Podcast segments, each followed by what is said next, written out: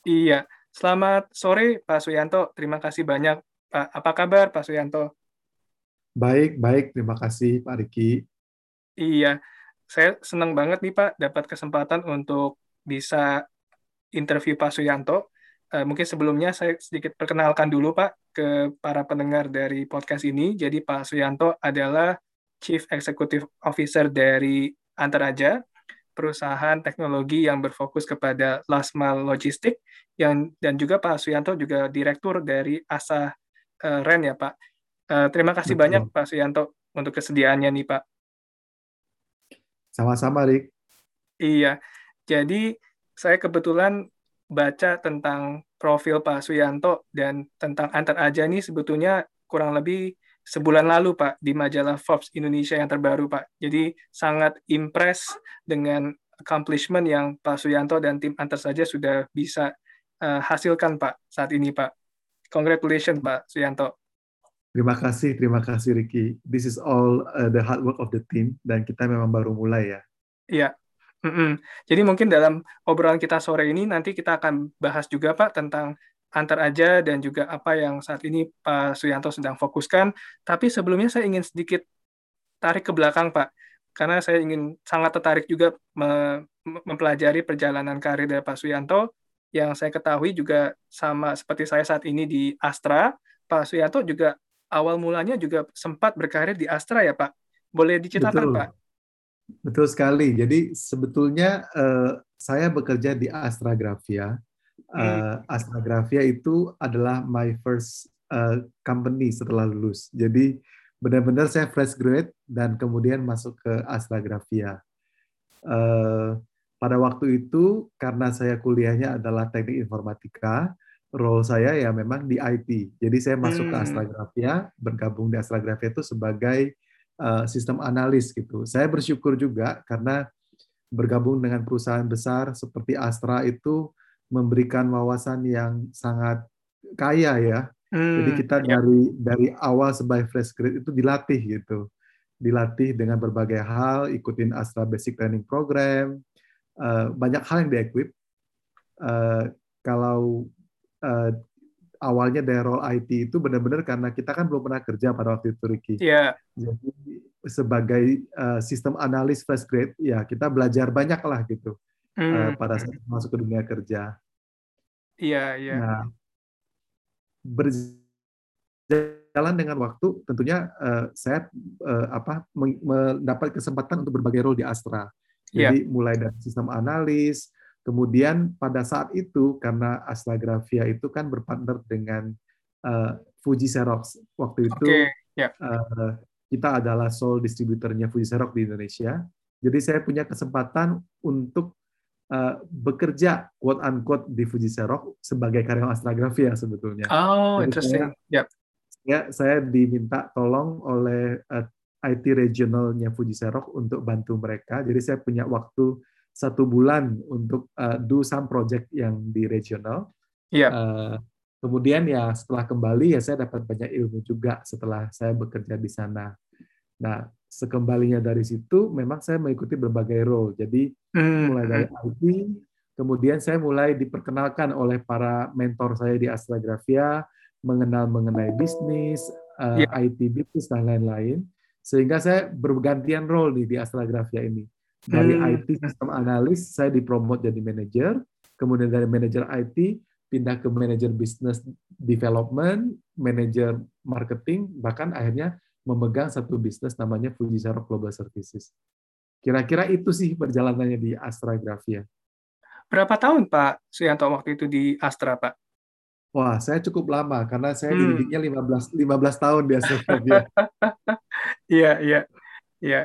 Dan dari perjalanan Pak Suyanto selama 15 tahun itu dan tadi Pak Suyanto sempat sampaikan memang Astra itu punya sistem yang khas yang bisa dibilang ya Pak dalam mendevelop human capitalnya seperti itu. Kira-kira boleh dijelaskan juga Pak, apa sih mungkin satu atau dua hal yang Pak Suyanto rasakan yang paling berimpact Pak terhadap perjalanan karir Pak Suyanto dari perjalanan sebelumnya di Astra Pak?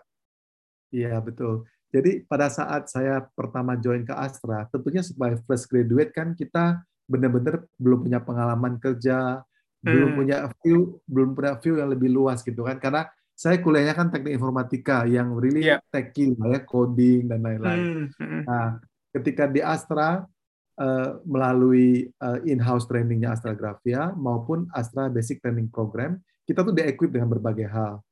Uh, dari sisi communication, dari sisi negotiation skill, hmm. uh, dan pelan-pelan terus di-equip. Di setiap level itu kita di-equip. Uh, saya masih ingat ketika menjadi manajer di Astra pun ya kita di training uh, eh, AMMP yeah. program gitu ya. Hmm. Jadi uh, saya sangat bersyukur karena memang sistemnya Astra itu uh, sangat uh, apa ya sistematik dan rapi dalam setiap levelnya. Jadi itu sangat yeah. membantu sekali. Hmm. Hmm. Iya, iya. Ya, saya setuju sekali Pak dengan uh, tadi dari uh, komentar dari Pak, Pak Suyanto itu pun yang juga saya lihat dan rasakan Pak di sini Pak. Oke, kalau boleh tahu juga Pak Suyanto, awal mula ketertarikannya untuk mengambil teknik informatika waktu itu seperti apa Pak? Ya, jadi sebetulnya pada waktu uh, saya kuliah gitu ya, mungkin IT kan memang belum terlalu booming, tapi sesuatu yang baru gitu ya, sesuatu yeah. yang baru. Saya itu sebenarnya dari SMA pun sudah sangat tertarik dengan uh, uh, computing, mm. karena kebetulan waktu saya sekolah di SMA, saya kelas 2 itu udah belajar mengenai programming. Jadi zaman dulu masih zaman Apple-nya masih layar hijau gitu ya, masih Apple. Kemudian itu yeah. saya udah belajar coding gitu sebenarnya. Mm. Jadi hmm. itu yang make me very uh, interested dengan uh, komputer yeah. dan bayangkan ada banyak hal yang bisa dilakukan dengan IT gitu. Iya, betul. Dan sekarang apalagi khususnya dengan digital dan teknologi ya Pak ya, begitu banyak hal yang bisa dilakukan dan banyak bisnis yang awalnya pun juga sifatnya tradisional akhirnya bisa melakukan inovasi dan transformasi ya Pak, seperti itu. Betul, betul mm -hmm. sekali. Iya. Dan yeah dan itu udah dimulai di Astra sebetulnya. Pada waktu hmm. itu kan hmm. saya tadi cerita bahwa saya itu belajar uh, di Astra itu kan menjadi sistem analis dan akhirnya menjadi IT manager. Tapi kan yeah. itu adalah support function. Yeah. Nah, berikutnya saya diberi kesempatan menjadi uh, business development di mana hmm. saya mulai belajar bahwa how actually uh, to create business from the IT gitu. Iya. Jadi jadi itu sebenarnya uh, awal saya belajar bagaimana bahwa dengan IT itu kita bisa create something, create new business. Hmm. hmm. Yang nah, sekarang ini, pun masih ada hmm. di Instagram sekarang. Betul, nah. Pak. Nah, ini saya nanti mau tanya lebih jauh, Pak, khususnya di venture yang saat ini Pak Suyanto pimpin di Antar Aja. Nah, tapi sebelumnya saya tertarik juga nih, Pak, untuk tahu dari Astra, kemudian Pak Suyanto perjalanan karirnya itu salah satunya itu bergabung ke ke perusahaan yang juga dimiliki oleh orang Astra bisa dibilang ya Pak atau ya, ex Astra betul. Pak TP betul. Rahmat boleh diceritain Pak waktu itu ya. alasannya dan waktu itu eh, pertimbangannya seperti apa Pak? Jadi sebetulnya gini, setelah dari Astra, karena kan saya pegang Fuji Xerox Global Services di Indonesia, mm -hmm. dan memang nature-nya kan adalah global services ya, jadi kayak managed services gitu. Ya. Kemudian dari sana akhirnya saya diberikan kesempatan untuk uh, berkarya di Fuji Xerox-nya. Jadi hmm. saya sebenarnya sempat pindah ke regional. Saya pegang hmm. regional Asia Pasifik uh, untuk uh, business management services yang ada di Asia Pasifik. Nah, yeah. jadi saya juga belajar banyak lagi nih. Hmm. Uh, jadi sekarang benderanya bendera Fuji Xerox Global Services. Yeah. Nah, pada waktu itu saya diberikan tugas untuk uh, melaunch bisnis yang sangat booming di Europe pada waktu itu. Jadi oh, saya okay. begitu join, saya langsung dikirim ke Europe dan ke US uh, eh, untuk mempelajari itu dan membawa ke region Asia Pasifik. Yeah. Jadi kira-kira seperti itu. Nah, yeah. along the way memang tugasnya waktu itu adalah mendevelop bisnis. Jadi kayak ke Australia, ke Hong Kong, ke Korea gitu, uh, untuk membangun bisnis itu di negara mm -hmm. atau kita sebutnya adalah uh, OPCO, Operating Company-nya Oke, okay. iya. Boleh nah, tahu juga Pak? Hmm, silakan Pak. Ya, setelah sekian lama, ya tentunya uh, saya dikontak lagi sama bos saya yang di Astragrafia gitu. Hmm. Gitu. Jadi itu perkenalan awalnya dengan grup Triputra sebetulnya. Oke, okay, oke. Okay. Iya, iya. Biasanya seperti itu ya Pak. Alumni Astra itu bergabung mungkin dengan alumni Astra yang lain bikin suatu bisnis atau masih banyak ininya Pak hubungannya Pak memang kalau saya perhatikan Pak seperti itu. Uh, kalau saya juga ingin tahu Pak tadi Pak Suyanto sampaikan uh, Bapak banyak terlibat atau banyak juga menghasilkan bisnis-bisnis baru ya Pak dari IT dan sebagainya. Mungkin boleh diceritakan juga Pak contoh-contoh yang Pak Suyanto uh, sempat kerjakan atau hasilkan bisa dari pengalaman Bapak ketika tadi di di Fuji ataupun di di Astra Pak seperti itu. Ya, mungkin yang di Astra dulu kali ya. Mm-hmm. Jadi pada waktu saya di Astra itu, uh, saya ditugasi oleh perusahaan untuk uh, melihat teknologi-teknologi uh, yang berkaitan dengan document management. Pada yeah. waktu itu kan Astra Grafia dikenal dengan fotokopi serok gitu ya. Yeah. Nah, pada waktu serok itu melakukan transisi digital, mereka itu kan berubah dari yang tadinya stand-alone devices, tiba-tiba menjadi network connected devices yang iya. tadinya cuma fotokopi bisa copy, print, scan, dan fax gitu. Hmm. Nah. Jadi saya punya kesempatan untuk uh, ke US, ke Europe untuk mempelajari teknologi-teknologi apa IT related yang akhirnya kita meng-create solution. Hmm. Nah, jadi salah satu bisnis yang kita perkenalkan di Indonesia pada waktu itu adalah kita memperkenalkan bahwa Xerox itu is beyond the device It's more mm-hmm. like a document management instead of the device itself gitu. Yeah. Jadi kita banyak create, banyak uh, apa belajar create solusi-solusi uh, contoh simpelnya gitu. Mm. Pada waktu dulu kita pernah ada satu solusi yang saya itu bisa memerintahkan uh, uh, software melalui uh, dokumen yang saya fax ke mesinnya Xerox gitu. Mm. Jadi cara kerja simple. Saya punya dokumen kertas, saya tinggal fax ke nomor uh, mesinnya Xerox. Yeah. Kemudian uh, mesin itu akan akan menstore information dan di convert menjadi instruction ke server untuk melakukan activity dari server oh, itu. Oke. Okay. Uh, yeah. Jadi itu itu hal-hal simple yang mm -hmm. yang menurut saya itu memberikan uh, belief dan dasar buat saya untuk mengerti bahwa ternyata dengan teknologi informasi itu we can do things differently dan itu penting mm. sekali gitu. Iya. Betul. Dan itu yang menjadi dasar buat saya untuk ke depan, termasuk nanti di antar aja kalau kita masuk ke cerita betul. antar aja nantinya. Uh, iya, betul. Sangat setuju Pak. Tadi poin dari Pak Suyanto tentang doing things differently ya Pak. Nah itu kan betul. berarti sangat erat kaitannya dengan innovation. Nah yeah. kalau nanti kita bisa masuk juga ke contoh yang antar aja Pak. Saya juga pengen tahu Pak kalau waktu itu dengan pengalaman Pak Suyanto misalkan di Astra ataupun di di Fuji Xerox dan sebagainya itu sering kali kan kita di corporate itu juga ada tuntutan untuk kita berinovasi tadi contohnya menghasilkan solusi baru, bisnis baru dan sebagainya seperti itu. Kalau dari kacamata Pak Suyanto dan berdasarkan pengalaman waktu yang sebelumnya, apa sih Pak kuncinya sehingga kita itu bisa menghasilkan ide-ide dan tidak hanya menghasilkan ide-ide tapi juga mengeksekusi, mentranslasi ide ini menjadi satu produk baru, bisnis baru, Pak. Seperti itu. Iya, iya. Per pertama sebetulnya very simple bahwa hmm. ketika kita mau create solution terhadap uh, target marketnya kita, the first thing that we need to do is bagaimana kita itu bisa mengaddress pain point atau problemnya si customer. Hmm. Nah, hmm. Jadi itu sebenarnya simpelnya gitu. Kita yeah. melihat dan mengamati apa sih sebenarnya problem-problem ataupun challenges yang mereka hadapi. Betul. Uh, sehingga dari situ kita baru bisa mengaplikasikan uh, teknologi informasi untuk make their life easier, make it hmm. simple. Hmm. Uh, simple, faster, cheaper gitu kan. Maunya yeah. gitu kan. Gitu. Betul. Betul. Jadi harus selalu mulai dari problem apa yang ingin kita solve ya Pak. Betul, betul. betul. Jadi pertama itu dulu sih. Nah, hmm. kemudian setelah kita tahu dan kita define, ya kita akan men, me, memutuskan apa yang mau kita solve dari problemnya mereka. Yeah. Nah, dari situ baru kita mulai create solution dan yang paling penting sebenarnya adalah we need to execute fast. Hmm. Karena konsep is a concept. Ketika yeah. kita mau eksekusi, kita hmm. udah mulai jalankan, baru di situ ada improvement. Atau kalau di Astra biasanya kan kita bilang kaizen gitu ya. Di yeah. Putra juga kita bilang kaizen.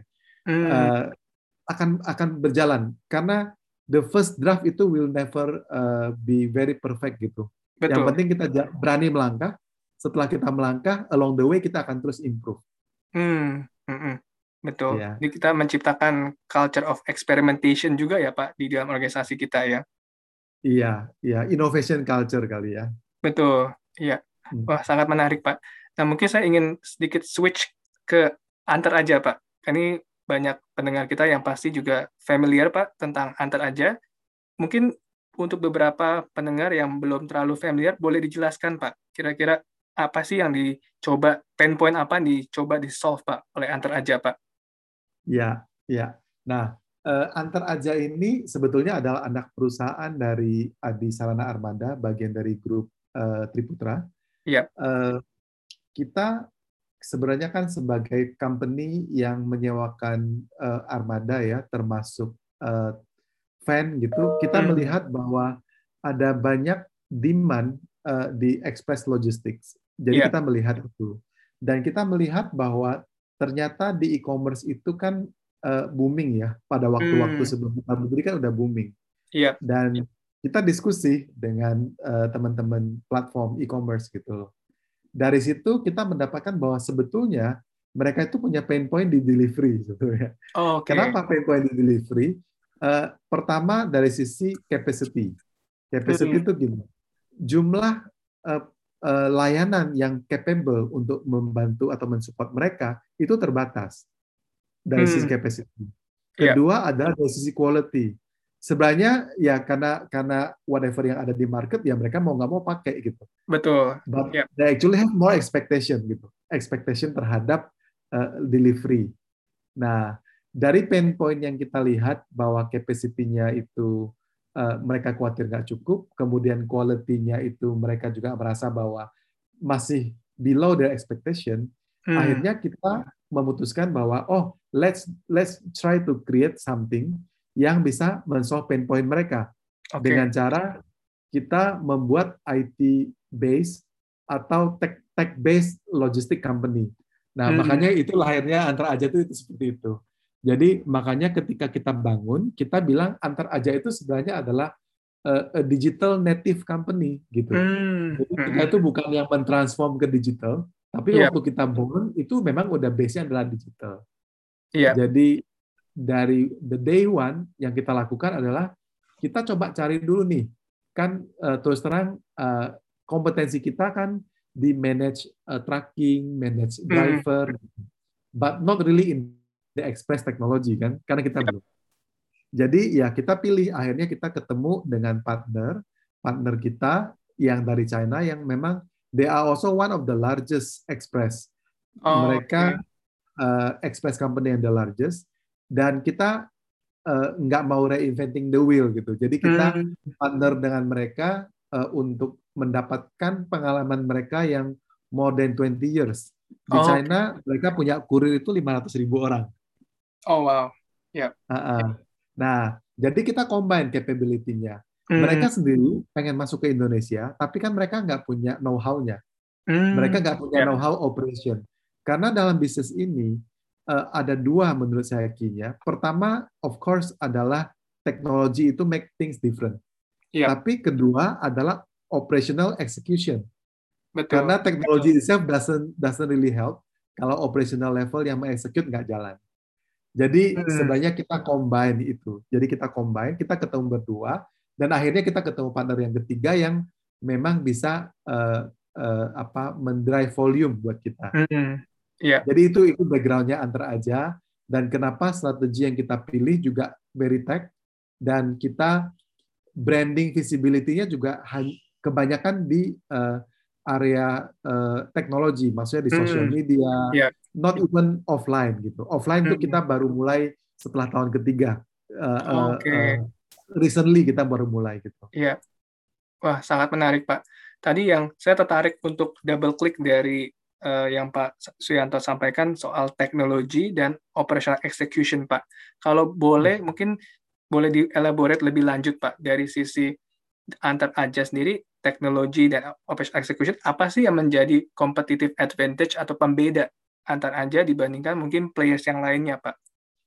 Iya, jadi uh, company antar aja itu kita udah set up sebenarnya mungkin uh, uh, mid mid toward end of 2018.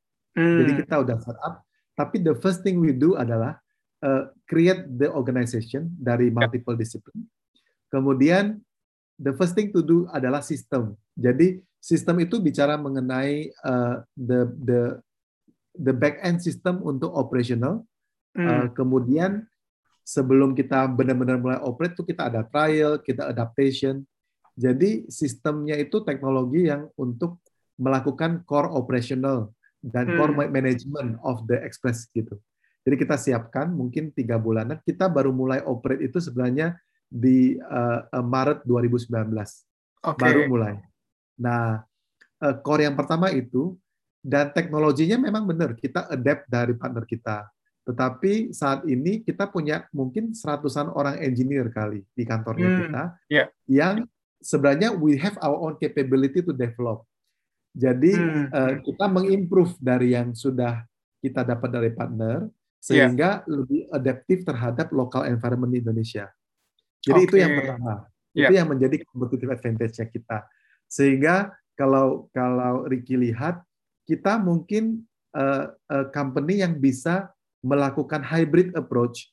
Maksudnya hmm. hybrid gini, uh, ketika pemain-pemain lain itu menawarkan pengiriman paket itu orang harus datang dan yeah. drop off paketnya ke ke gerai-gerai, kita menawarkan you don't have to go out, yeah. kamu cukup order semuanya dari aplikasi aplikasi hmm. kita. Jadi aplikasi yeah. Antaraja Apps itu uh, uh, ada di di uh, Android ataupun di iOS gitu ya. Jadi mereka bisa create order, mereka bisa pay uh, semuanya itu uh, melalui apps aja yeah. dan nantinya kurir kita yang datang. Kita bilang kurir hmm. kita adalah Satria gitu ya. Nah, oh, itu yang datang. Okay. Yeah. Jadi model kita itu sangat well acceptable ketika pandemi COVID di mana kita kan dibatasin uh, mobilitasnya. Nah, jadi sekarang ini buat mereka selama pandemi COVID ya mereka cukup order melalui apps dan kurir atau satria kita yang datang ke rumah gitu. Mm, -hmm. Dan juga yeah uh, yang kita tawarkan adalah real time tracking and visibility. Yeah. Jadi begitu kita ambil paketnya, kita akan langsung scan, itu akan langsung kelihatan. Jadi teknologi itu first aspect. Mm, yeah. Nah, yang kedua yang tadi saya bilang mengenai operational capability adalah uh, it is still human yang melakukan semuanya itu. Betul. Uh, jadi di antar aja kita itu menanamkan value kepada uh, Eh, semua kurir kita. Bahkan kita nggak sebut mereka kurir, kita hmm. sebut mereka adalah satria. Yeah. Satria. Dan dan rasanya tadi kan kita ngomong ownernya juga orang Astra. Biasanya yeah. kan caranya sama ya. Jadi di Triputra itu kita ada value Triputra DNA. Hmm. Triputra DNA gitu. Yeah. Kalau di Astra kita punya Catur Dharma, di Triputra kita punya Triputra DNA. Nah, kita menerjemahkan Triputra DNA itu dalam value yang sederhana. Namanya yeah. Satria juga. Satria hmm. itu sebenarnya singkatan sigap, aman, terpercaya, ramah, integritas, amanah. Jadi ah, value okay. itu terus tanamkan kepada para satria kita. Yeah. Dan that's the reason why kita itu merekrut mereka sebagai employee. Bukan Jadi freelancer ya Pak ya? Hmm. Bukan freelancer, bukan crowdsourcing. Hmm. Yeah. Uh -uh. Jadi itu dua hal yang sebenarnya unique and different. Iya, iya. Wah, sangat sangat menarik Pak dan sangat impresif. Dan kalau saya juga pengen tahu lebih lanjut Pak terkait dengan uh, venture building khususnya di dalam konteks corporate juga pastinya kan akan berbeda ya Pak kalau kita bandingkan dengan misalkan di startup seperti itu. Karena biasanya ya, kalau di corporate ada legacy bisnis yang kita harus pertimbangkan dan biasanya kita harus pikirkan juga nih dari sisi sinerginya seperti apa dan sebagainya. Kalau dari hmm. pengalaman Pak Suyanto untuk building uh, antar aja Pak, yeah. prosesnya sendiri apakah waktu itu sulit dan karena juga biasanya kita harus juga meyakinkan ya Pak leadership kita hmm. dan juga berbagai stakeholders di dalam bahwa ini sesuatu yang worth to do Pak. Dan biasanya hmm. karena ini area yang baru belum tentu biasanya uh, langsung di di accept seperti itu Pak. Jadi kalau boleh di sedikit diceritakan Pak prosesnya waktu itu sampai dengan bisa building partnership dengan different partners dan sebagainya. Pasti sebelumnya itu ada satu strategi atau satu pemikiran yang pasti ada di Pak Suyanto dan juga di manajemen ya Pak. Kalau boleh sedikit diceritakan Pak. Ya, saya uh, di di ASA itu adalah direktur business development. Jadi hmm. uh, saya juga yang create bisnisnya pada waktu itu. Hmm. Uh, nah, kita melihat bahwa bisnis induk kita saat itu kan adalah uh, car rental, uh, corporate uh, corporate car rental ya. Uh, yeah. Kemudian juga auction gitu, uh, auction car lah ya, second hand hmm. auction. Nah, semuanya itu kan uh, sangat heavy asset. Betul, ya. Nah, kita melihat bahwa ada area di mana kita itu punya peluang untuk mengimprove eh, atau meleverage kompetensi kita. Kompetensi hmm. kita dalam memanage tracking, memanage driver. Oh ya, yang ketiga kita juga punya driver service. Ada company untuk driver itu. Ah, oke. Okay. Nah, ya. Dengan, dengan kompetensi itu, kita lihat bahwa ini sebenarnya kita bisa meleverage dan kita cari bisnis model yang uh, light asset sehingga kita hmm. bangun sinergi sebenarnya dengan induk yeah. perusahaan. Nah, eh, kemudian eh, yang tadi saya cerita bahwa kompetensi ASA adalah memanage eh, armada, memanage yeah. people, itu kekuatan kita. Tapi hmm. ketika kita masuk Express, kan kita nggak punya teknologi Express yeah. pada waktu itu. Makanya kita looking for partner yang seperti itu. Hmm. Nah, ketika kita mulai, memang pertama culture-nya pasti beda sekali. Beda Betul. sekali. Yeah. Jadi yang kita lakukan, we really split the company. Jadi kita oh. kita kayak kayak bikin company sendiri terpisah. Mm -hmm. Kantornya aja nggak sama. Oke. Okay. Kantornya iya. nggak yeah. sama. Uh, culture yang dibangun juga uh, saya boleh bilang itu millennial like culture ya. Jadi millennials. uh, millennials. How do we do that? Pertama, yeah. leader-leadernya kita handpick semuanya. Jadi okay. the first the first 10 people yang kita pilih ya kita handpick satu-satu. Yeah. Kita hunting talent dari networknya kita. Mm. Uh, kemudian our first office itu pada waktu itu di Menara BTPN. Kita pakai co-working space. Oh wow. yeah. space. Dan kita sewa dua ruangan yang kapasitasnya cuma uh, bisa 14 orang. Mm. Tapi within two months udah nggak cukup, udah pindah. Gitu. Iya. nah, culture-nya kita buat seperti itu, kemudian yeah. kita pindah ke kantor sekarang, ruang kantornya pun tidak ada ruangan uh, direktur, hmm. tidak ada ruang GM, hmm. tidak ada ruang manager. Kita semua sama, open, very open space. Yeah. Saya duduk di antara teman-teman semuanya di sana. Hmm. Jadi culture-nya kita bentuk yang uh, less birokratik gitu ya. Kita nggak yeah. mau dari physical aja kita tunjukin bahwa we are open, everybody hmm. can talk to everybody sehingga yeah. yang kita foster adalah openness dan uh, speed gitu. Oke. Okay. Nah, jadi perusahaannya terpisah dari perusahaan induk, culture yang kita bikin juga sangat berbeda gitu, hmm. sangat berbeda. Hmm. Iya, uh, saya sangat tertarik sekali Pak untuk uh, menggali lebih dalam terkait dengan culture ini Pak, khususnya bagaimana kita bisa membangun innovation culture di dalam organisasi kita. Kalau tadi mungkin contoh dari PT uh, Antar aja kan memang dipisah ya Pak sebagai entitas yeah. terpisah. Kalau hmm. dari pandangan Pak Suyanto, apakah memang harus seperti itu, harus dipisah dari katakanlah parent company-nya, atau sebetulnya ada hal-hal yang lebih sifatnya fundamental yang sebetulnya perlu dilakukan Pak untuk menumbuhkan tadi entrepreneurial mindset, innovation culture. Kalau dari pengalaman Pak Suyanto, bagaimana Pak melihatnya Pak? Uh, ya ini sebenarnya akan sangat tergantung daripada culture dari uh, induk perusahaannya. Hmm. Kemudian kedua adalah tergantung dari nature daripada bisnis yang akan di set up nantinya. Oh, oke. Okay. Iya. Yeah. Uh, karena kalau misalnya contoh, kalau di ASA, karena kan ASA ini kan memang corporate car rental. Jadi yeah. mereka kan akan mendekati corporate corporate customer. Hmm. So the company is actually set up for the corporate customer gitu kan. Iya. Every yeah. support function untuk corporate customer. Sementara ketika kita setup antar aja, kita udah tahu ini bukan corporate customer. Hmm. Ini tuh consumers.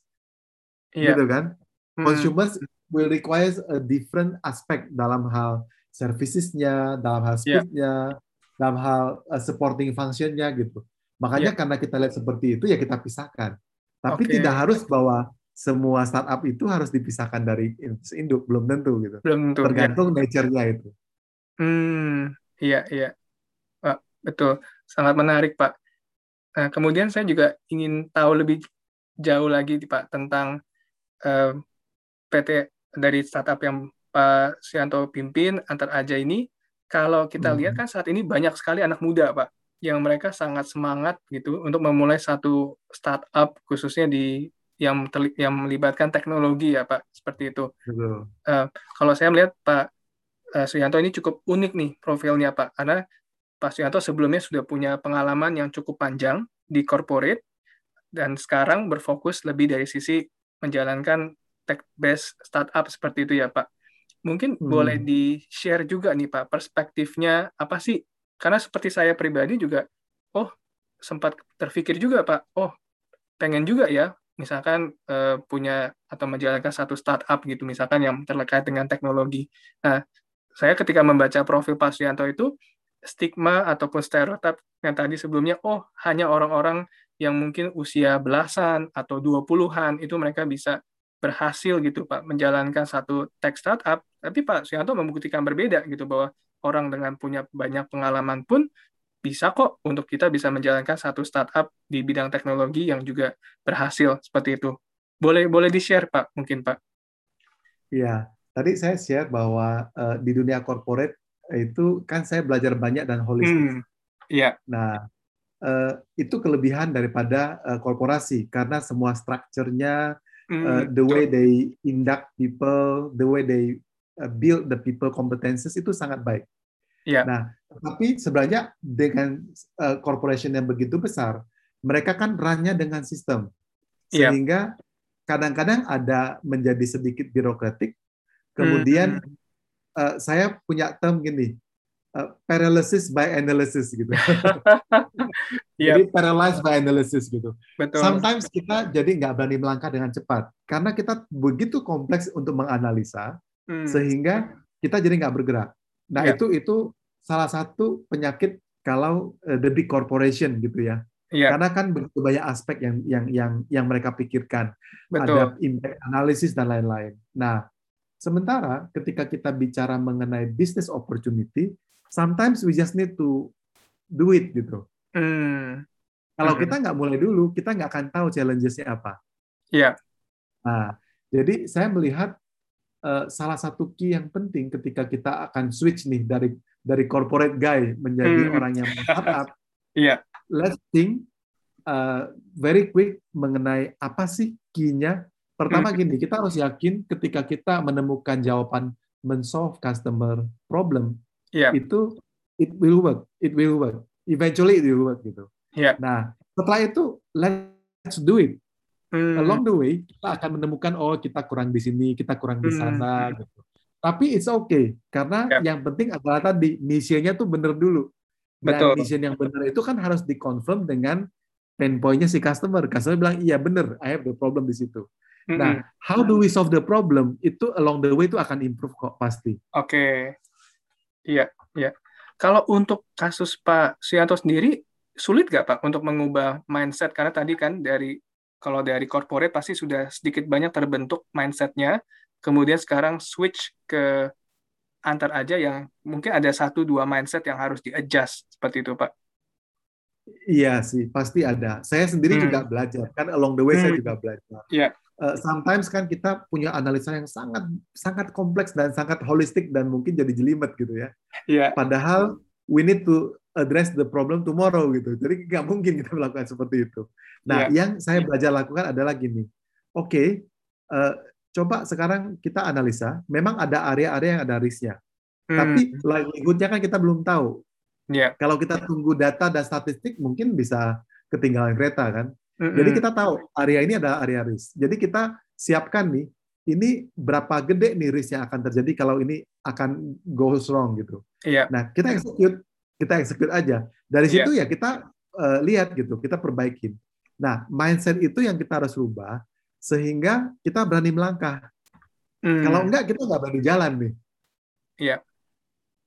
I- Itu sih Hmm. kalau eh, pengalaman saya, Rick. Jadi Iya. akhirnya saya harus berani bilang, oke kita jalan, kita jalan Mhm. dulu, uh, kita jalan dulu, nanti kita amatin seminggu, dua minggu kita amatin Mhm. gitu. Jadi time Betul. time time frame kita pendek memang, uh, tapi at least uh, dan ternyata gini, setelah saya terjun di dunia uh, startup ini, di startup kan ada ada yang kita kenal mengenai agile gitu ya. Iya, betul. Nah, itu, itu memang ya mingguan dua minggu, hmm. seminggu hmm. gitu. Nah itu itu itu yang saya belajar baru ketika saya di startup karena yeah. dulu walaupun saya IT biasa kita bicaranya proyeknya turnkey gitu, lama panjang. Gitu. Multi years ya pak, iya. Ya betul. Yeah. Kalau ini nggak cuma mingguan gitu bicaranya. Betul agile adaptability memang saat ini juga jadi penting sekali ya Pak dengan perubahan yang semakin cepat ya Pak. Betul, ya. betul. Hmm, saya juga mungkin mau tanya juga Pak Suyanto terkait dengan uh, target ke depannya untuk antar aja karena saat ini sangat impresif Pak yang tadi di tahun 2020 dari jumlah uh, parcel yang dikirim bisa tumbuh sangat signifikan Pak 300 persen. Uh, kalau boleh di share sedikit Pak untuk target ke depannya untuk antar aja seperti apa Pak? Uh, kita pada saat bikin business plan itu kita uh, berharap di tahun kelima kita mau jadi nomor satu. Nah itu kan mental hmm. korporasi kan ya. ya karena kita bagian corporate gitu ya. Yeah. Uh, kita selalu bilang gini, kalau you are not being number one atau amongst the top, jangan main. Gitu. Mm. Itu itu yeah. kan sama dengan dengan filosofi Astra. Iya. Yeah. Uh, nah, kita juga punya pemikiran seperti itu. Mm. Jadi kita kita plan bahwa within five years kita pengen uh, di number one gitu ya. Iya. Yeah. Uh, kita sekarang masuk ke tahun ketiga dan kita uh, melihat bahwa probably kita itu sekarang di nomor empat lah sekarang. Oke. Okay. Dengan dengan dengan speed seperti sekarang bahkan kita bisa lebih cepat sebetulnya. Mm -hmm. Jadi jadi kalau ditanya apa sih yang kita akan lakukan ke depan, pertama tentunya kita scale the business. Yeah. Uh, kita scale the business. Saat ini sih kita memang sudah cover nationwide, kita sudah cover seluruh kecamatan di Jawa, mm. tapi kita masih tetap mengcover more. The way we cover the business itu quite unique karena kita yeah. bukan melihat secara manual, jadi kita pakai data analytics sebetulnya. Oh, Dari data-data okay. partner kita lihat kita akan uh, mapping ke uh, eh, GIS system, mungkin kalau orang bilang big data analytics gitu ya. Dari situ kita tentukan, oh kota mana, titik mana yang kita perlu bangun, dan seberapa mm -hmm. besar kita bangunnya. Yep. Jadi jadi kita memang pola growth-nya seperti seperti itu. Nah itu satu. Kemudian kita juga akan keep improving uh, type of produknya kita. Nah, yeah. sekarang contoh gitu ya.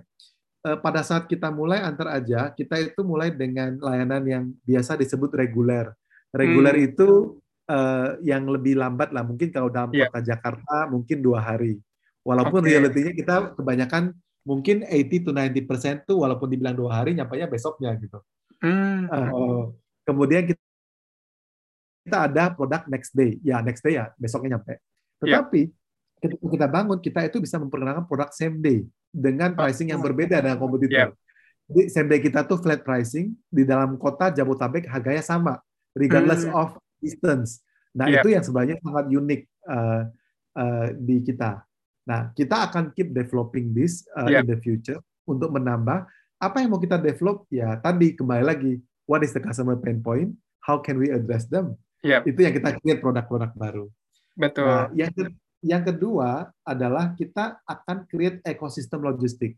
Sebetulnya hmm. selain selain ada antar aja, kita ada namanya titip aja. Oh, oke. Okay sebenarnya ada tip aja. Titip yeah. aja itu adalah fulfillment services gitu. Ya mungkin saya nggak akan cerita banyak, tapi kita yeah. ada mungkin 4-5 inisiatif yang lagi kita bangun berbarengan. Tapi hmm. intinya sebenarnya kita membuat e-, ekosistem end-to-end untuk yeah. e-commerce. Oh, sangat menarik Pak. Dan dan sangat impresif Pak. Kalau saya mungkin kita hampir uh, obrolan kita hampir satu jam Pak uh, Suyanto nggak kerasa.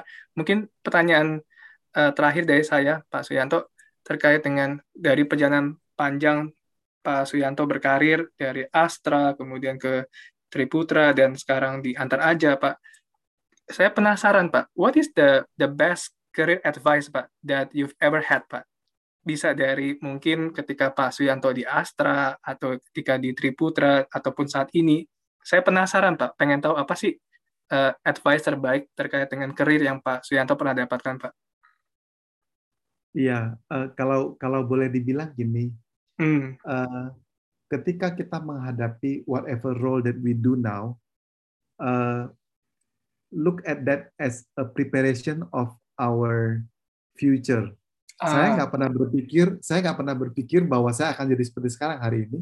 Hmm. Tetapi ketika saya dikasih tugas, ya saya bersyukur karena diberi kesempatan di Astra gitu ya. Iya. Saya adalah orang IT. Saya jadi pertama sistem analis, kedua jadi IT manager, kemudian jadi business development manager, kemudian Hmm. jadi marketing manager, kemudian terakhir jadi business manager gitu ya. Hmm. Those those experience actually enrich me gitu. Iya. Ketika uh, advice saya kepada teman-teman, lihatlah semua yang ada di depan teman-teman itu sebagai bagian daripada mengequip your future. Hmm. Nama jabatan tuh nggak penting sebetulnya. Yang Hmm. penting adalah what capability that competence that you are building. Karena yang namanya kesempatan itu nggak bisa datang dua kali. Kadang-kadang ya Oh. udah ke kesempatan. eh, jadi gini, kita akan mencapai sukses ketika kesempatan itu ketemu dengan preparation-nya kita. Iya. Kalau kesempatannya ada, tapi kita nggak well prepared, ya kita lose gitu kan, Betul. nggak dapet. Nah, yang disebut sukses itu ketika eh, eh, kesempatannya datang, kita siap untuk menangkap kesempatan Hmm, itu. ya. Jadi for us ya let prepare ourselves, regardless of our current role. Tapi kita harus berpikir bahwa apa yang saya bangun sekarang itu adalah melengkapi daripada puzzle of my capability. Hmm. Jadi itu yang menurut saya teman-teman nggak apa-apa, tantangannya nggak gampang gitu ya. Tiba-tiba Betul. saya harus belajar sesuatu yang saya nggak bisa, it's okay. Ketika kita lakukan, itu adalah bagian dari puzzle yang harus kita lengkapin. Hmm. Ketika kita udah lengkap, ya tadi siap. Ya contohnya kayak antar aja ya. Ketika kita bangun dengan bisnis model yang unik, eh pas pandemik terjadi itu pick up-nya sangat cepat sekali. Iya. Wah, luar itu sih biasa, Pak. mungkin advice-nya. Wah, thank you banget Pak Suyanto kembali untuk waktunya dan juga untuk sharingnya Pak. Ini saya pribadi banyak banget belajar Pak dari obrolan kita sore ini Pak Suyanto. Nggak hanya soal tentang how to run and build a business, tapi juga dari tadi eh, advice tentang terkait karir dan sebagainya yang sangat-sangat berharga Pak. Thank you juga kesempatannya Pak Riki dan teman-teman semuanya. Iya, oke. Thank you again Pak Suyanto. Semoga selalu sehat juga Pak. Ya, thank you. Salam sehat semuanya.